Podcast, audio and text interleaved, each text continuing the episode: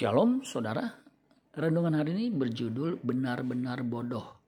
Lukas 12 ayat 19 dan 20. Sesudah itu aku akan berkata kepada jiwaku. Jiwaku ada padamu banyak barang. Tertimbun untuk bertahun-tahun lamanya. Beristirahatlah, makanlah, minumlah, dan bersenang-senanglah.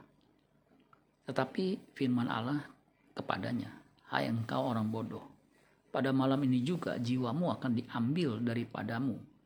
Dan apa yang telah kau sediakan untuk siapakah itu nanti? Orang kaya ini memang benar-benar bodoh.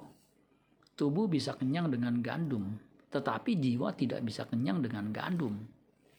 Jiwa hanya bisa diisi dengan Tuhan sendiri, bukan dengan makanan fisik, tetapi dengan firman Tuhan.